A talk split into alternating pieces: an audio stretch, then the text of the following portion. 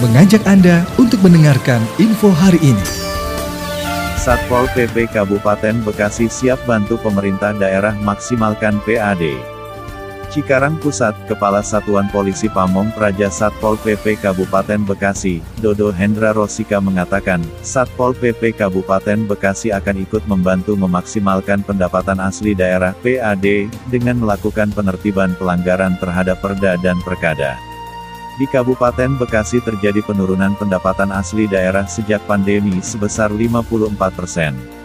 Untuk itu Satpol PP Kabupaten Bekasi ikut serta untuk meningkatkan kembali PAD melalui penindakan penertiban peraturan daerah dan peraturan kepala daerah, kata Dodo, usai acara HAT Satpol PP ke-72 dan HAT Linmas ke-60 di pendopo Satpol PP Komplek Pemkap Bekasi, Senin, tanggal 14 Maret tahun 2022.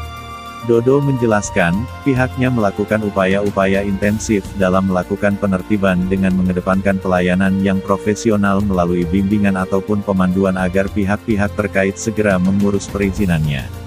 Menurutnya, jika tempat usaha tidak ada izin atau melanggar aturan, Satpol PP bisa mengambil tindakan dengan mengarahkan pelaku usaha untuk mematuhi aturan yang berlaku.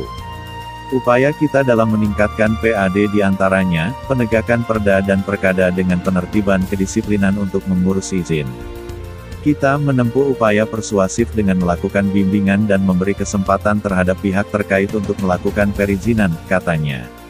Pit, Kabit Ketentraman dan Ketertiban pada Satuan Polisi Pamong Praja Satpol PP Kabupaten Bekasi, Ganda Sasmita menyampaikan, dalam rangka membantu meningkatkan kembali pendapatan asli daerah, Satpol PP Kabupaten Bekasi mulai melakukan pendataan dan monitoring terhadap perizinan billboard atau papan reklame yang ada di Kabupaten Bekasi.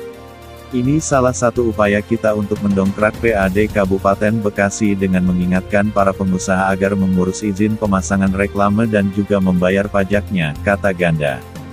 Ganda menjelaskan, kinerja Satpol PP Kabupaten Bekasi sudah sejalan dengan arah pembangunan pemerintah Kabupaten Bekasi.